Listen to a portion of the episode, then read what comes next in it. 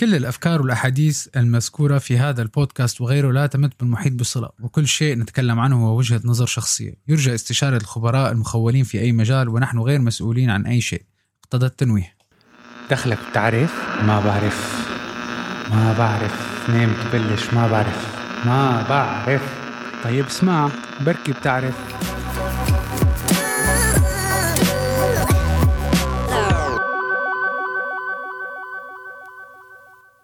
كتير أحيانا بشوف مكتوب إنه الواحد لازم يكون creative thinker إنه يفكر بإبداع وخاصة لما بتقرأ متطلبات الوظائف.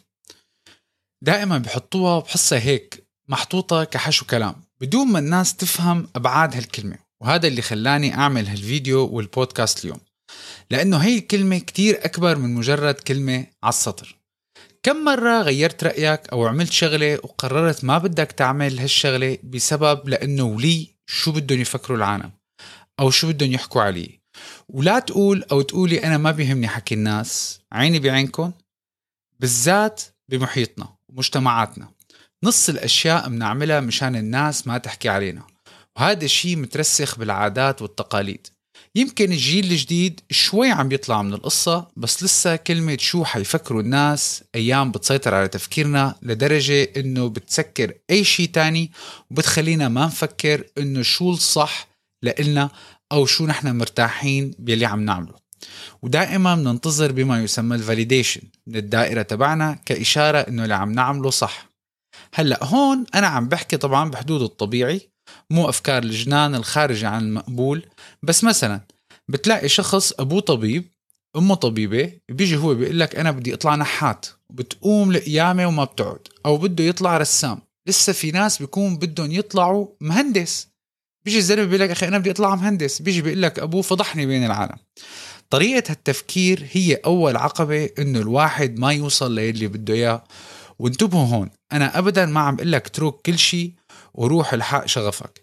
اللي كتير ناس بيركزوا عليها لدرجة إنه العالم صارت تكره حياتها على قولة ما لقيت شغفي ويلي للأسف بسمع كتير ناس بيركزوا على الموضوع الشغف والباشن والحق شعورك. بصير كل واحد ما حدا عجبته حياته وبيتركوا الأساسي وبيلحقوا الأمور الصغيرة. اللي هذا أنا الصراحة ضده جملة وتفصيلا. نرجع للنقطة الأساسية إنه أحيانا على قد ما بنكون مركزين شو بده المحيط يحكي؟ بننسى نحن شو بدنا. وبتحس حالك مربط لأنك عم تشتغل ضمن أطر انحطت لك بظروف معينة. وهذا كله فينا نخلص منه لما أنت بتعطي لحالك حرية التفكير بالأسلوب اللي أنت بتلاقيه مناسب وبأسلوب خلاق بيخدم طموحاتك. والعقبة الأولى بتبلش بمخك. إنه لازم تسمح لحالك تفكر بسلاسة بدون قيود خارجية أو ما يسمى ال creative thinking ولكن لحتى يكون عندك هالمقدرة أول شيء لازم تكون تعرف حالك من جوا 100% كل واحد على وش الأرض بيقدر يعطي أفكار حلوة وخلاقة. بس قديش صعبة لما بيكون اللي حواليك عم بيقولوا لك أفكارك جنان. أنت شو فهمك؟ أنت شو عرفك؟ أنت من كوكب تاني؟ ومن كل هالحكي اللي ماله طعمه بس كتر الزن بوصلك لمرحلة إنه بركي معهم حق. أنا أفكاري جنان أو أفكاري ما لها طعمه أو لتقدر تفكر بأسلوب خلاق لازم تنسى شوي شو انحكى لك يعني الماضي وما تفكر شو حيصير يعني المستقبل. وتفكر بس بالحاضر هلأ أنت وين؟ وشو عم تساوي بالظروف والموارد المتاحة لإلك هلأ. ولكن ليوصل الواحد لهالمرحلة من عمق التفكير لازم يكون عرفان حاله عن جد هو مين من جوا. لتعرف تماما شو اللي بغذي طريقة تفكيرك وبيخليك تفكر بصفاء وبدون قيود بينك وبين حالك. بدك تكون كتير صريح لما بتطلع بالمراية. تعرف مين انت بإيجابياتك وبسلبياتك وبجنانك كمان. تقبلهم مثل ما هن. ومو شرط الناس اللي حواليك تعرف كل جوانبك. هذا شيء بخصك وهذا حيكون الطريق الوحيد يلي حيفتح لك مداركك بخليك تعرف تفكر. وفيك تقعد بينك وبين حالك تعمل ورقة وتكتب عليها مين أنا وشو بدي ورجي العالم. وهذا الشيء مو غلط في ناس بيقول لك لازم تكون على طبيعتك قدام الناس وما تحط أقنعة. وكل هالحكي وهذا الحكي غير دقيق لأنه باعتبارنا عايشين بمجموعات إجباري عنا في أقنعة معينة لازم تحطها لحتى تنتمي للناس اللي حواليك وتتواصل مع العالم الخارجي. مثال يلي بيكون عنده حالات خجل مزمنة. قديش بيكون شادد على حاله بالمحيط تبعه لحتى يتقمص شخصية المنفتح واللي عم بيحكي مع الكل وهو مرتاح. بس بينه وبين حاله بيكون ميت من الخوف لسبب كتير بسيط إنه بده يحس حاله منتمي لمجموعة أو لمحيطه. بس بينك وبين حالك مسمح لك تشيل كل هالقيود لتقدر تفكر وتخلق أشياء براسك ما حدا من برا راسك بيقدر يحدك فيها. لأنه كتير منا أيام بيتصرف وبيفكر بأسلوب اللي محيطنا بيفرضوا علينا. ليش؟ لأنه كتير أسهل من إنك تسبح عكس التيار وتشارك أفكارك وتحاول تبررهم الضغط بيكون كتير أسهل وبتخلص من هي قصة الناس شو بدهم يحكوا عني. ممكن تساير لمرحلة معينة بس من جواتك بتكون مضغوط لحتى ما خلص. بتتعب من هالقالب اللي أنت فيه وبتقرر تفكر بالطريقة اللي أنت بتشوف حالك فيها وبتشوفها مناسبة. وقديش سمعتوا عن ناس كانوا يعملوا شيء وفجأة صاروا يعملوا شيء تاني؟ شو أول شيء الناس بتصير بتحكي؟ يا زلمة ما بنعرف شو صار له. شكله مخه طق. هي هي ردة فعل الناس لما أنت تقرر تفكر بأسلوبك. لذلك الناس بتحاول تتجنب هالشي وياما في عالم إجوا ومشوا من الدنيا وهن عايشين شو بدهم أهلهم يعيشوا أو يشتغلوا مو هن شو بدهم.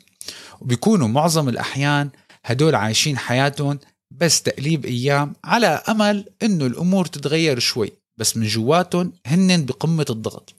وبدنا ننتبه إنه فيك تعبر وتفكر باللي بدك إياه وتتصرف بأي أسلوب بيشعرك بالحياة ولكن ضمن حدود الاحترام والمعتقدات اللي أنت ربيت عليها وضمن أطر الصح والغلط المتفق عليها بالقانون والدين والمجتمع.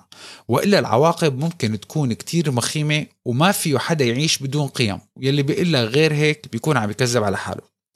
وأول خطوة بتبلش فيها هي إنك تقعد وتعرف حالك شو بتحب شو ما بتحب. شو هي أحلامك ولوين بدك توصل لحتى تتضح الصورة قدامك. لاحظوا الأولاد لما بيكونوا صغار هن بطبعهم بيكون عندهم ال creative thinking ليش؟ لأنه لسه ما بيعرفوا يغيروا طريقة تفكيرهم بناء على رأي الناس فيهم. وبذلك بتلاقيهم مستمتعين بكل شيء عم بيعملوه وما بيسألوا ليش وشو الولد التاني بده يفكر. نفس هذا الولد بس يكبر ويبلش يفكر بأسلوب شو بدها الناس تفكر أو تشوف أي شيء بصير يعمله سبب وإذا حس إنه السبب ممكن يضايقه بسبب ضغوط خارجية بصير يطنشه وهون بتكون أول خطوة لتموت روح الإبداع. أنت كشخص نفسك لما كان عمرك أربع سنين ست سنين وعشر سنين بدك تحاول تتذكر شو كنت تحب وشو كنت تكره لما كنت بهالعمر. شو كانت أحلامك وشو كانت أمنياتك؟ كلنا لما بنشوف ولد عم بيلعب بدون قيود بننبسط وكتير منا بيعلق بينه وبين حاله إنه شوف كيف مبسوط لا وراه ولا قدامه. هي نابعة عن غيرة. مشان هيك بيقول لك أيام إنه إيه حاول أحيانا تتصرف وتفكر كولد. ما في وراه ولا في قدامه لحتى ترتاح. يعني لا تفكر شو بده يصير بكرة وانبسط وأبدع بشو عندك وشو في حواليك. مهارة التفكير بإبداع والتعبير بتجي بالفطرة عند كل شخص فينا ولكن محيطنا بيعلمنا نطفيها وحتى أحيانا ننساها. منروح بنقفل عليها ومنكب المفتاح. وهذا الباب بيكون سببه المحيط. كلنا ياما أيام نحن وصغار حكينا فكرة ضحكوا علينا الناس. أو عملت شيء وجا واحد قال لك روح من هون شو فهمك؟ ومن هالكلام اللي مع الوقت بيحفر وبيزرع عادات فينا إنه أنا ما بفهم.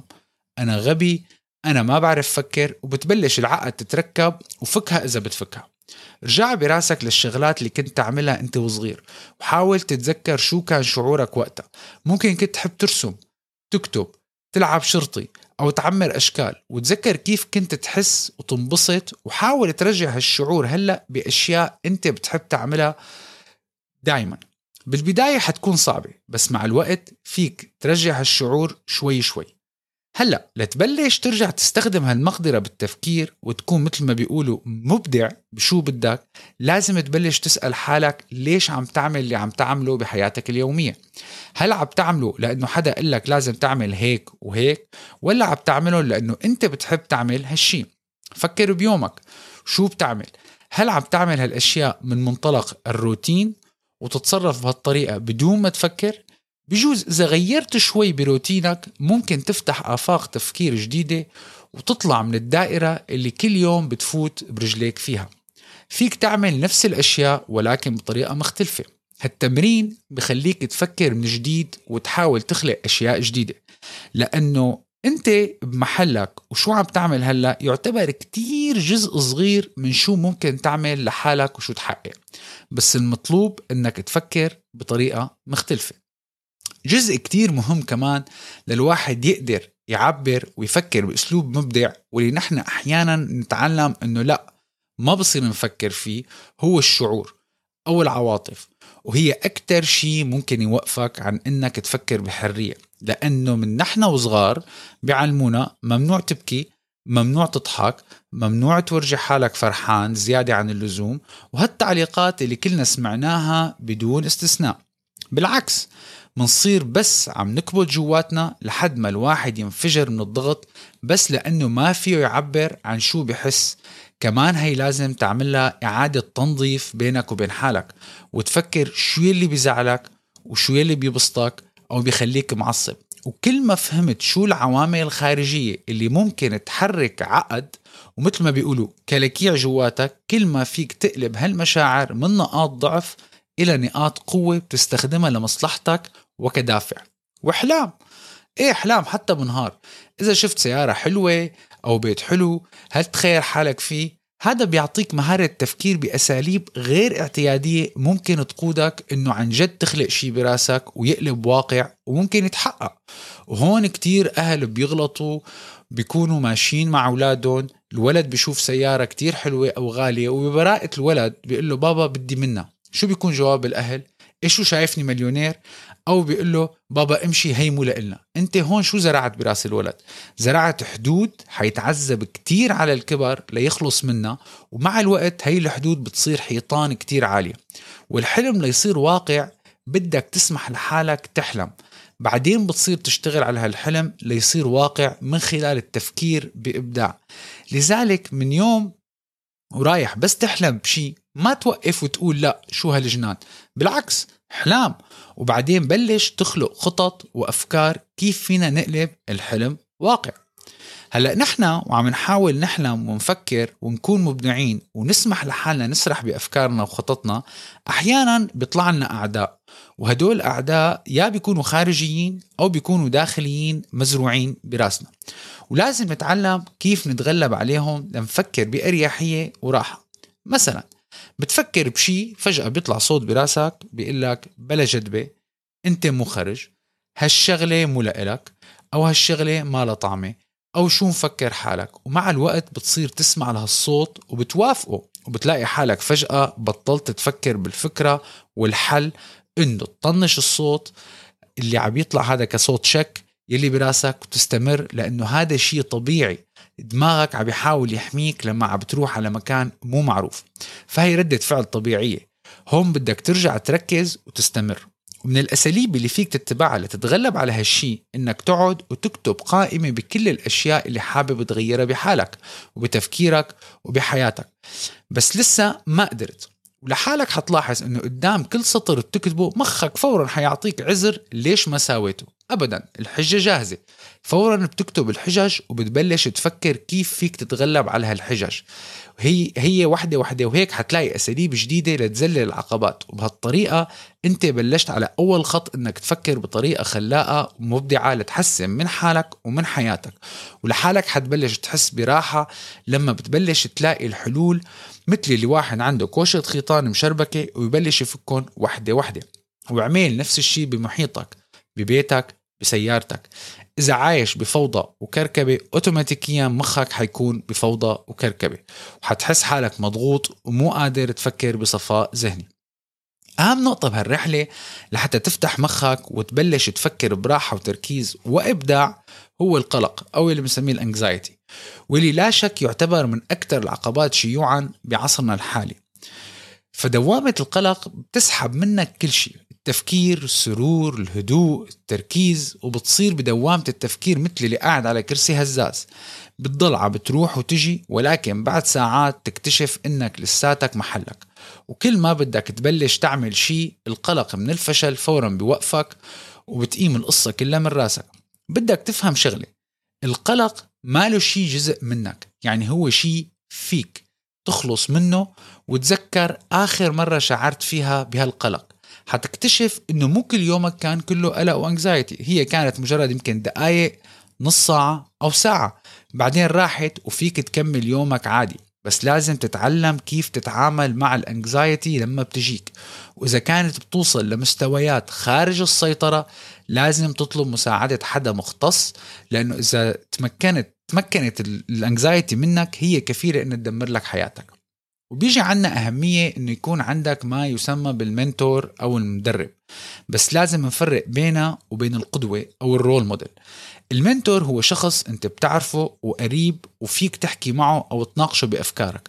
أما الرول موديل ممكن يكون شخص أنت معجب فيه وتاخده قدوة بس ممكن ما تلتقي فيه بحياتك ولكن بتتابعه وبتتابع إنجازاته وأعماله وممكن كتبه. لذلك لتدعم وتنمي مقدرتك بالتفكير ومناقشة الأفكار. حاول يكون عندك منتور بحياتك ولو فيك تشوفه مرة واحدة بالشهر. هالشي حيساعدك كتير على أنك توضح الرؤية تبعك.